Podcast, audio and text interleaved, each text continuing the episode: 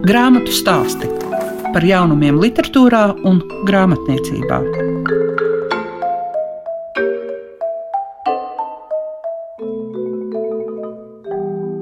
Esiet sveicināti tie, kas šobrīd ir grāmatu stāstu klausītāju vidū, un es lieka piešiņu pievērsīšos literatūras, publicistikas un vēstures žurnālam Domu zīme. Uzzināsiet, kādā attīstības stadijā šobrīd ir PVN procenti, kas ir grāmatām. Uzzināsim, kāda ir mūzikas vēsture bērniem.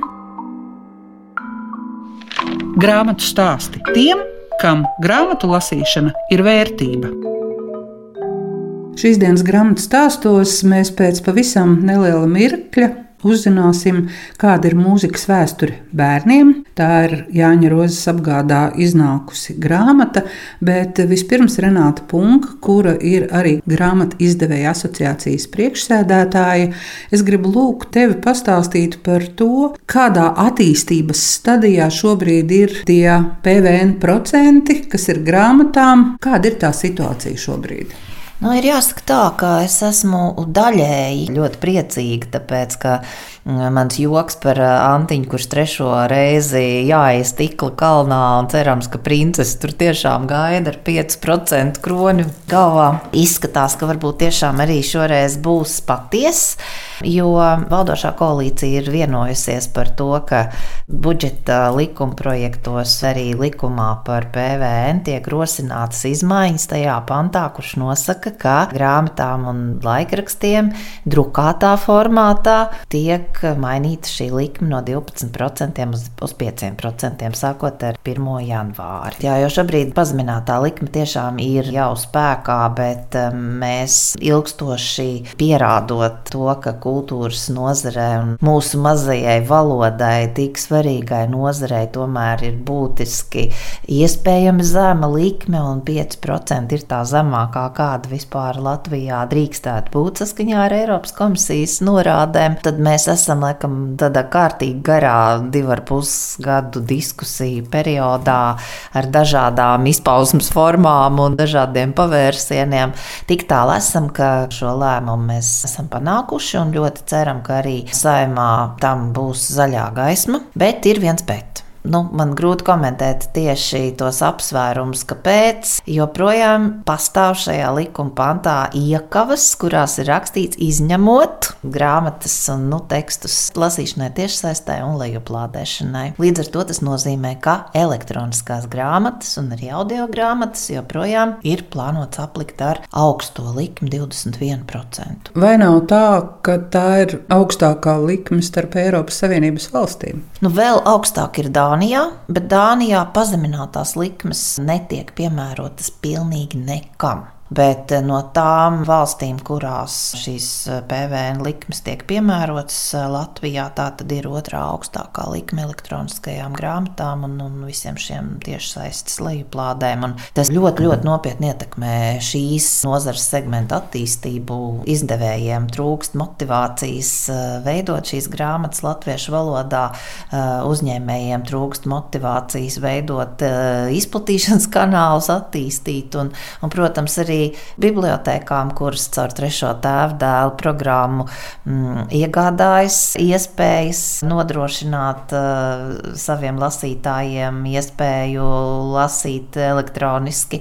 Nu, būtībā arī šis pakalpojums izmaksātu, viņi varētu vairāk iegādāties šo grāmatu, un tas arī palīdzētu tirgus attīstībai kopumā un, un, un arī pieprasījumam un pieejamībai. Un tieši tāpēc uh, mēs ļoti, ļoti ceram, ka vēl vēl šajā diskusiju procesā par valsts budžetu tomēr atradīsies drosme izsvītrot šīs iekavas no likuma panta. Kā jūs to reāli varat ietekmēt? Mēs varam tikai skaidrot. Šobrīd mēs arī apkopojam datus par to, cik minimāla ir ietekme, fiskālā ietekme uz budžetu, smieklīga. Ja mēs jau esam mazliet nokaunējušies par to, ka šis likmes izmaiņas īpatsvars no, no 12 uz 5 būtībā jau atstāja uz budžetu ļoti, ļoti nelielu ietekmi, kas ir mērāma drusku vairāk par miljonu, tad šajā gadījumā pat, ja mēs samazinām četras reizes šo likmi no 21 uz 5, šī ietekme jebkurā gadījumā var būt pārsimts tūkstoši eiro. Nu, man tiešām nav izprotams, kāpēc šo pārsimts tūkstošu eiro dēļ ir tādas bailes un nevēlēšanās dot šo iespēju šim sektoram attīstīties. Sevišķi tāpēc, ka kopumā Mēs taču ļoti labi redzam, ka Eiropas Savienībā viena no prioritātēm ir digitalizācija, digitālā ekonomika. Nu, šeit mēs ejam pilnīgi pretēji. Mēs ejam 19. gadsimta virzienā. Tiešām šis tirgus segments Latvijā tieši šo augsto nodokļu dēļ ir viens no pašiem, pašiem maznozīmīgākajiem visā Eiropā. Jo, protams, mēs nevaram salīdzināt ar angļu valodas tirgu, kur šī straujā elektronisko grāmatu izplatība un augšupēji sākās jau pirms gadiem desmit, un vienu brīdi pat pareģoja, ka jau 2020. gadu mēs visi lasīsim tikai elektroniski, un tas tagad ir apstiprinājies, protams, ka tas tā nav, un ziņas par uh, drukātās uh, grāmatas nāvi ir stipri pāragras un pārspīlētas, bet joprojām ir skaidrs tas, ka pastāv šīs grāmatas trijos dažādos formātos, ir drukātā grāmata, ar kuru mēs saritinamies dīvānu stūrī, vai arī kur mēs priecājamies par šīm bagātīgajām ilustrācijām, kur ir šie dažādie formāti, sākot no pavisam piņģerota lieluma grāmatiņām un beidzot ar tādiem foliantiem, kuriem ir īpašs paliktnes nepieciešams, lai viņi vispār varētu atvērt un apskatīt. Tur ir šī vairāk kā 500 gadus uh, ilgā drukas tradīcija, un šai dažādībai ir savi piekritēji un mīļotāji. Un, uh, tur šobrīd domāts par to, lai šī nozara būtu videi draudzīga un lai papīri būtu atjaunojumiem resursiem, tas viss attīstās un viss notiek. Otrs sektors ir elektroniskās grāmatas, un pastāv vairāki mīti. Viens no mītiem ir tāds, ka elektroniskā grāmata nesagādā izdevējam nekādas papildus izdevumus. Tas tā gluži nav, tāpēc, ka, lai pārveidotu šo drukātai grāmatai paredzēto maketu lietošanai elektroniski, tur ir jāīrē īpašas vai jāpērk īpašas datorprogrammas, ir jāņem vērā, ka mūsu pasaulē mēs ļoti labi zinām, ka ir teiksim, Apple reliģija un ļoti dažādas šīs ierīces, gan elektroniskie lasītāji, gan planšetes, gan telefoni, gan datori. Un, lai pilnvērtīgi grāmatu varētu lasīt jebkurā formātā, tad šie faili ir pat jāsagatavo. Tas sagatavošanas process nav gluži vienkāršs un tas ir darbietilpīgs. Nav tā, ka tu vari piespiežot vienu podziņu ar vienu klikšķi, pārvērst uh, maketu elektroniskajā grāmatā. Pēc tam ir jāpārbauda uz visām šīm iekārtām. Nu, un otra lieta ir tā, ka, protams, šīs tehnoloģijas iet uh, uz priekšu tik strauji, ka faktiski ik pa brīdim visi šie faili ir jāatjauno. Un treškārt, arī autortiesību procenti, kādus izdevējiem ir jāmaksā par izplatīšanu elektroniskajā vidē, gan pirātismu bāžu dēļ, gan arī tāpēc, ka ir daudz grūtāk noprecizēt pārdošanas rādītājus. Arī šie autortiesību procenti ir krietni augstāki elektroniskajām grāmatām. Nu, un vēl ir eh, segments, kurš tikko, tikko ir sācis strauji attīstīties, tās ir audio grāmatas, kas arī ir grāmatas, kurām arī pieklātos būt gan latviešu valodā. Šis segments faktiski ir pavisam, pavisam bērnu autiņos pie mums Latvijā, un principā arī citās valstīs arī šīm grāmatām tiek piemērota tā pati likme, kas drukātajām un elektroniskajām grāmatām.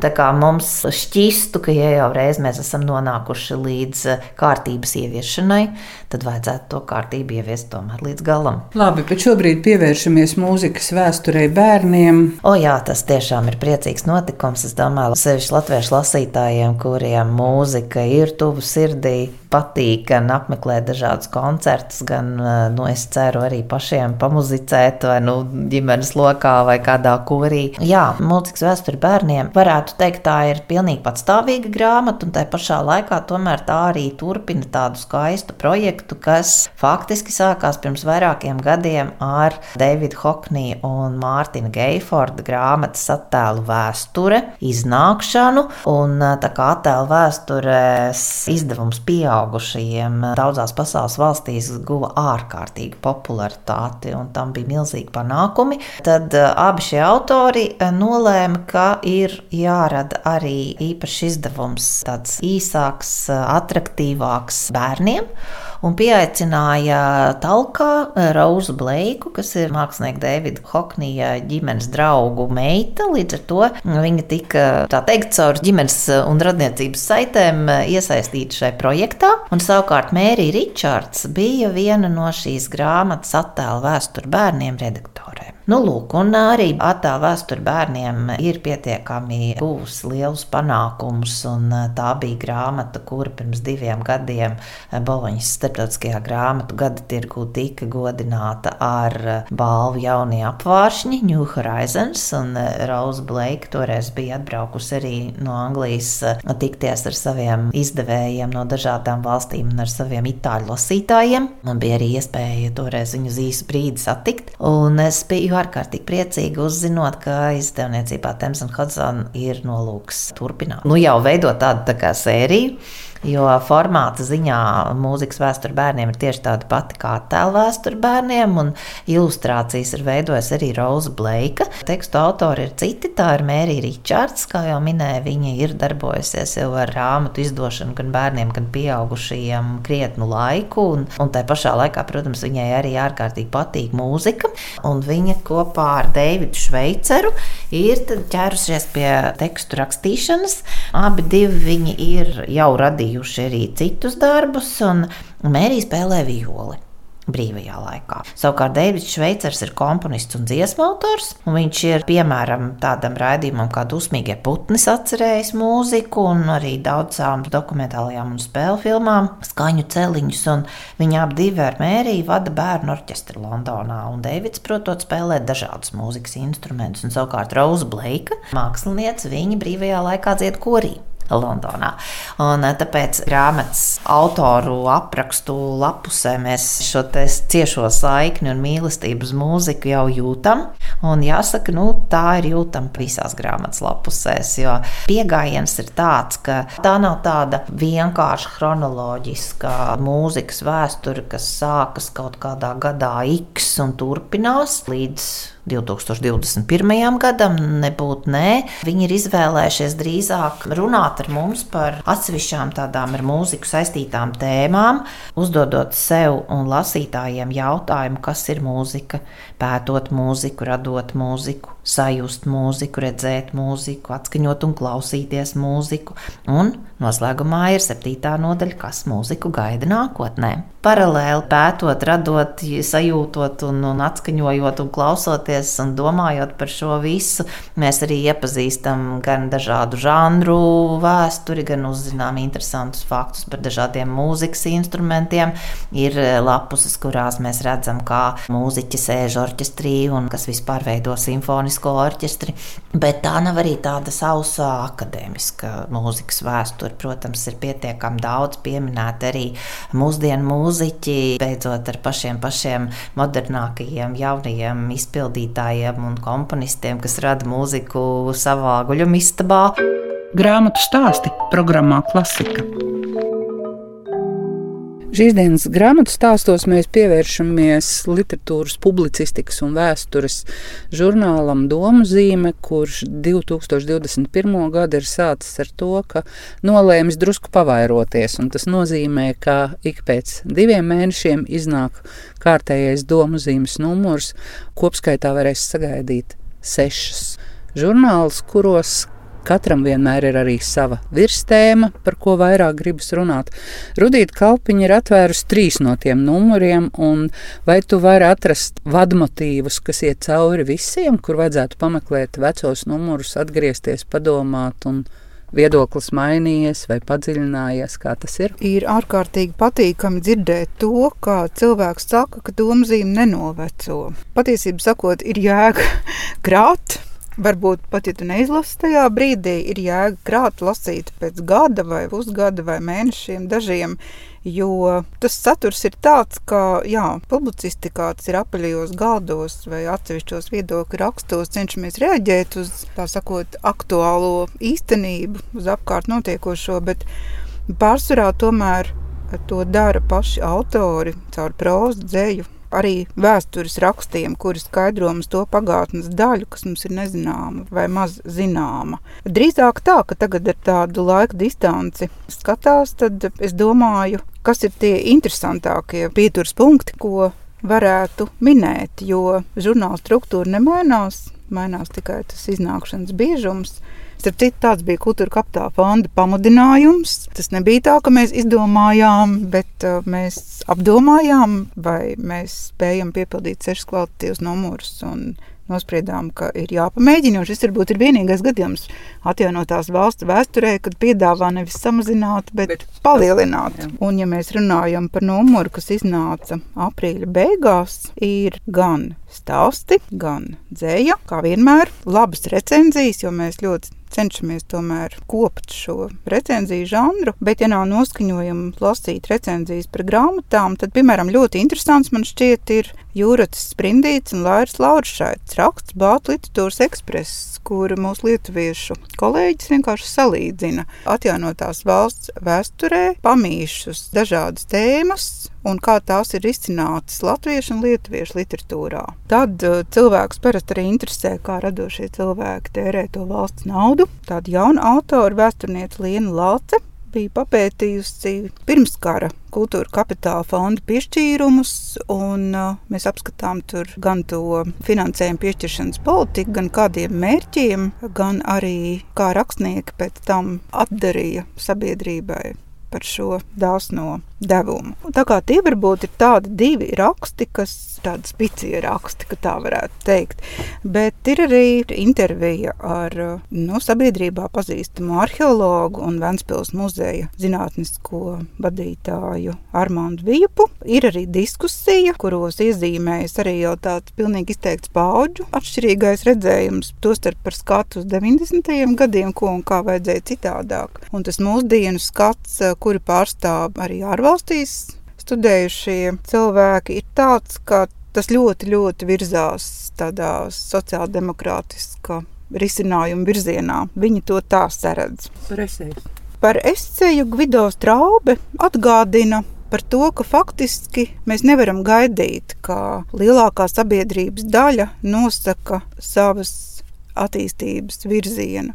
To tomēr izdara izglītotā tautas daļa, un tā tas latviešiem ir bijis. Kā rezultātā mēs esam nonākuši pie savas valsts, un uh, tas ir tas, kādēļ teiksim, tos intelektuāļus tomēr ir arī vērts uzturēt, atbalstīt, bet galvenais ņemt vērā un neļauties teiksim, sociālo tīklu vienas stundas zvaigznēm. Ja mēs ejam chronoloģiski, tad uh, trešajā numurā ir ļoti interesanti jauna debitante Maija Priedīte. Andris Akmentiņš šajā numurā ir pielicis tikai patiešām īsto un pēdējo punktu savam ezeriņu romānam, jo viņam vēl bija palicis pāri kaut kas, ko viņš gribēja ietērt literārā tekstā, un to viņš izdara šajā domzīmes trešajā numurā. Ir arī tāda varbūt tematiskāka dzēja, un proti mēs publicējam latgaliešu dzēnieci Mariju Dzēslu. Laura Vinogrādova citiem neierastā amplua šajā numurā ir publicējusi dzēju tāmnieku dialektā,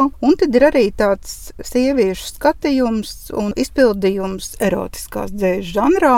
Jaunās dzēnieces ir izmēģinājušas spēkus. Intervija ar Rūtu Štelmacheri, tādu interesi ir raisījusi Lītas Silavas savu veidu veltījums Dacei Judinai, kas veidojās pavisam prozaiski iemeslu dēļ, un proti Dace Judina raksta ļoti daudz. Viņa ir tiešām biblioteku topos, kā vispieprasītākā autore, un Līta Silau mēģināja paskatīties, kā tas viss top un kas tas viss ir, jo literatūra kritika faktiski Gan jāsaka, ne tikai Dārtas Judīnas gadījumā.